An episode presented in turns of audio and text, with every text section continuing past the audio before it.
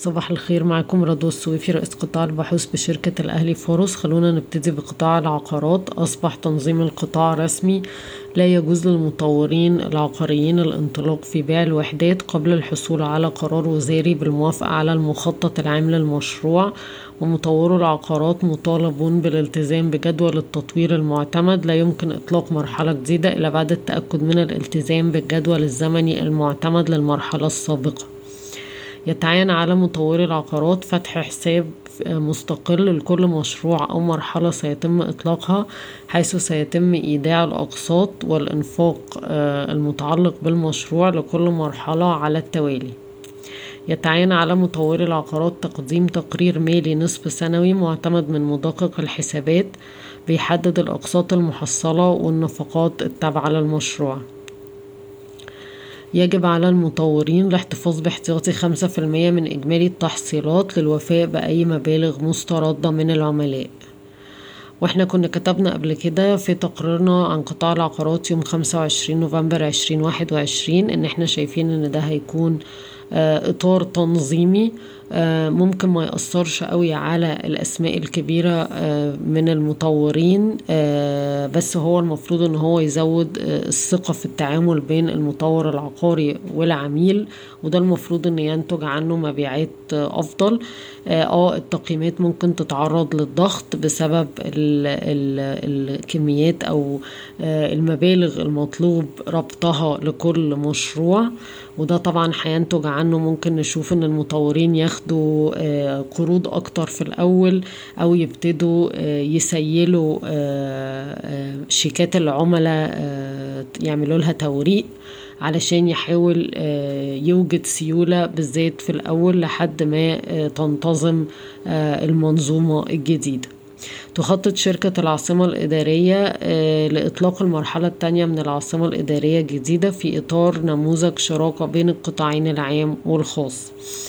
عائلة الحقير هتستحوذ على خمسة في المية تقريبا من شركة فاليو بتقييم عن طريق زيادة رأس مال وده بيقيم الشركة حوالي بمتين سبعة وأربعين ونص مليون دولار. وده التقييم ده بيرفع القيمة العادلة بالنسبة لنا لشركة EFG لتسعتاشر جنيه اتنين وسبعين من تسعتاشر جنيه ونص.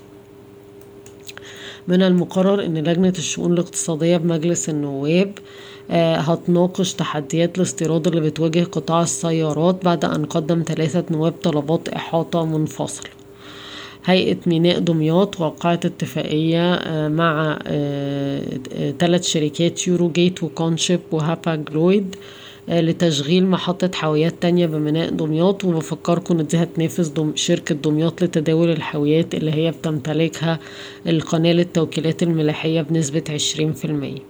ايجي ترانس وقعت عقد خدمات لوجستية بقيمة ستة وعشرين مليون جنيه مصري مع مزرعة طاقة رياح.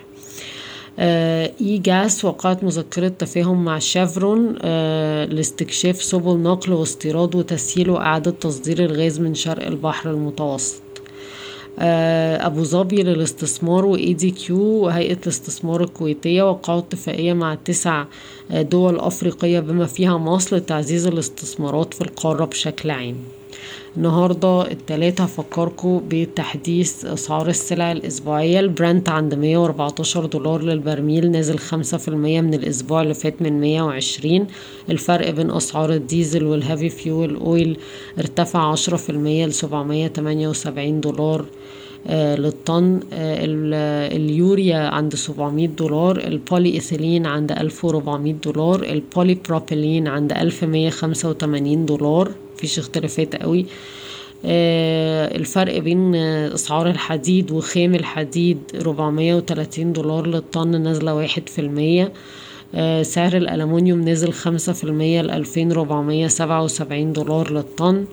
أسعار الأسمنت في مصر ألف ميتين تلاتة وسبعين جنيه مصري طلعت خمسة في المية بس الفحم الحراري لسه عند تلتمية تلاتة وتسعين دولار للطن. بشكركم ويوم سعيد.